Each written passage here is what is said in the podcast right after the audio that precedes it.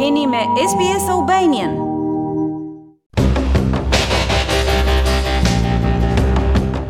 Kryeministri Scott Morrison pranon se sanksionet e vendosura ndaj Rusisë nuk kanë gjasa të kenë një ndikim të madh, por se Australia qëndron në solidaritet me Ukrainën. Ai thotë se veprimet e Moskës duhet të kenë një kosto, duke sugjeruar se mund të vijnë më shumë sanksione. Të ndjekim raportin. Kryeministri australian Scott Morrison iu drejtua kombit për të njoftuar se Rusia zgjodhi luftën, duke pushtuar Ukrainën. Ai thotë se Australia po mban qëndrim.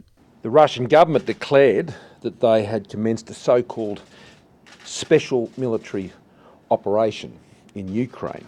Qeveria ruse deklaroi se ka nisur të ashtuquajturin operacion ushtarak special në Ukrainë.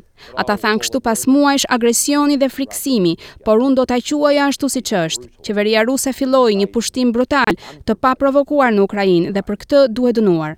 Dhe Australia e dënon. Së bashku me komunitetin ndërkombëtar, ne dënojmë me terma të ashpra këto akte të egra. We are banding together in strong terms to condemn these outrageous acts in the strongest possible terms.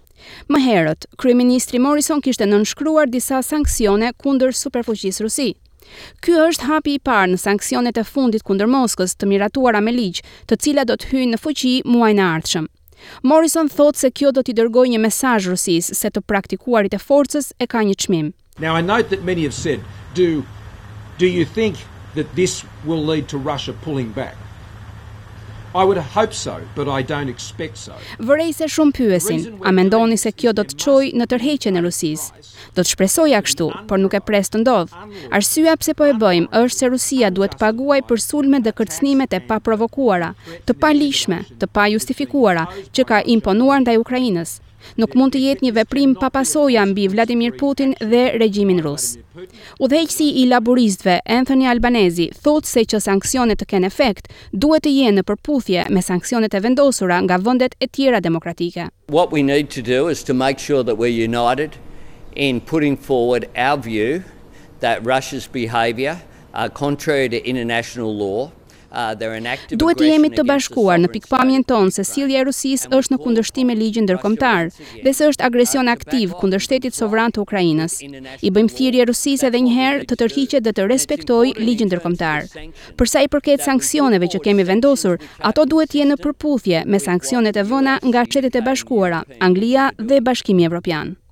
Australia ka vendosur ndalime udhëtimi dhe ndëshkime financiare për tetë anëtarë të Këshillit të Sigurisë Kombëtar të Rusisë dhe po synon sektorë të veçantë në rajonet separatiste të Ukrainës, Donetski dhe Luhanski, si dhe ka sanksionuar gjashtë banka ruse.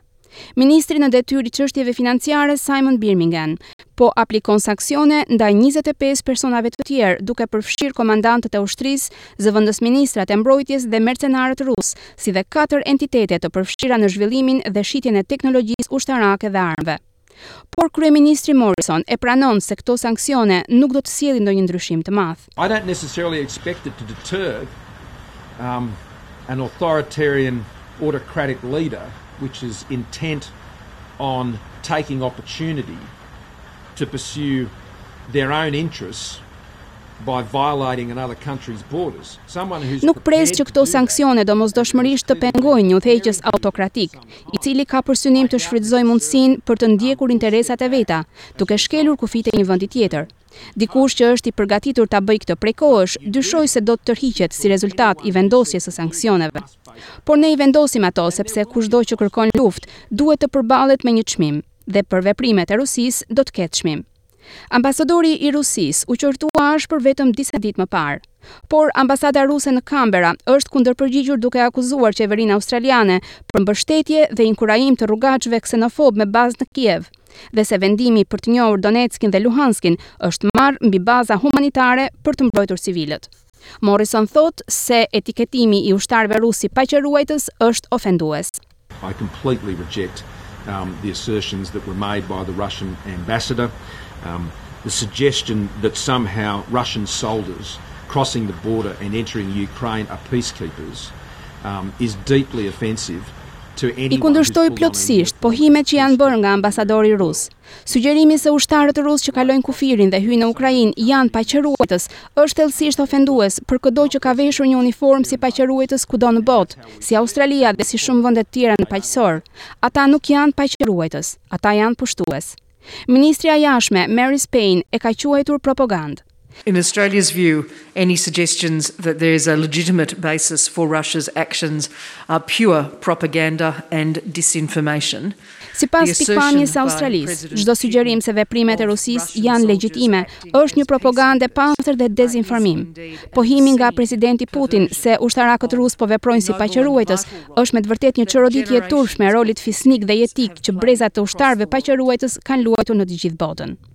Vëmendja tani kthehet tek australianët që kanë ngecur në zonën e luftës. Për javë të tëra atyre u është thënë nga Canberra që të evakuohen, por mendohet se deri në një mijë e katërqind australianë mund të jenë ende në Ukrainë. Ukrainasve që po përpiqen t'i ikin konfliktit për tek familjet e tyre në Australi, janë siguruar se aplikimet e tyre do të shqyrtohen urgjentisht. Babai shtatëdhjetë e tre vjeçar i Mariana Saywuk, Evgen Ivanenko dhe partnerja e tij janë në Ukrainën juglindore. Ai nuk është shtetas australian, por e bija po përpiqet dëshpërimisht ta nxjerrë jashtë vendit. It's really scary because even on website of where you applying for visa, it says that it takes fifteen to longer from fifteen days for visa that visa to be approved because Është me të vërtetë e frikshme, sepse në faqen e internetit ku aplikohet për vizë, thuhet se duhet pesëmbëdhjetë ose më shumë ditë që viza të miratohet, sepse për fat të keq, Ukraina nuk është në listën e vendeve për të cilat vizat aprovohen shpejt. Kemi frikë se kur të aprovohet viza, do të jetë tepër vonë për të shpëtuar. Ministri i Emigracionit, Alex Hawke, po zhvillon një takim urgjent me liderët e komunitetit ukrainas. Ai thotë se po përpiqet të përshpejtojë procesin e vizave. We are working as fast as we can to process visas. Po përpiqemi t'i shqyrtojmë vizat sa më shpejt që të mundemi, për t'u mundësuar njerëzve që duan të vijnë një ardhje sa më të shpejtë dhe për t'i nxitur të tjerët të aplikojnë dhe t'i largohen rrezikut tani. Australia ka premtuar të rrisë mbështetjen e vizave humanitare për ukrainasit që duan të largohen dhe ka siguruar ukrainasit që ndodhen në Australi për një zgjatje automatike gjashtë mujore të vizave të qëndrimit. Zonja Saywuk po përpiqet të ushqejë shpresën, ndërsa situata në Ukrainë përkeqësohet me shpejtësi. I really want them to be safe, to be here, to be with me and. Dua të jenë jashtë rrezikut, dua t'i kem këtu, me mua. Deri para pak ditësh nuk e kishim parashikuar se sa me nxitim na duhet t'i marrim këto masa tani.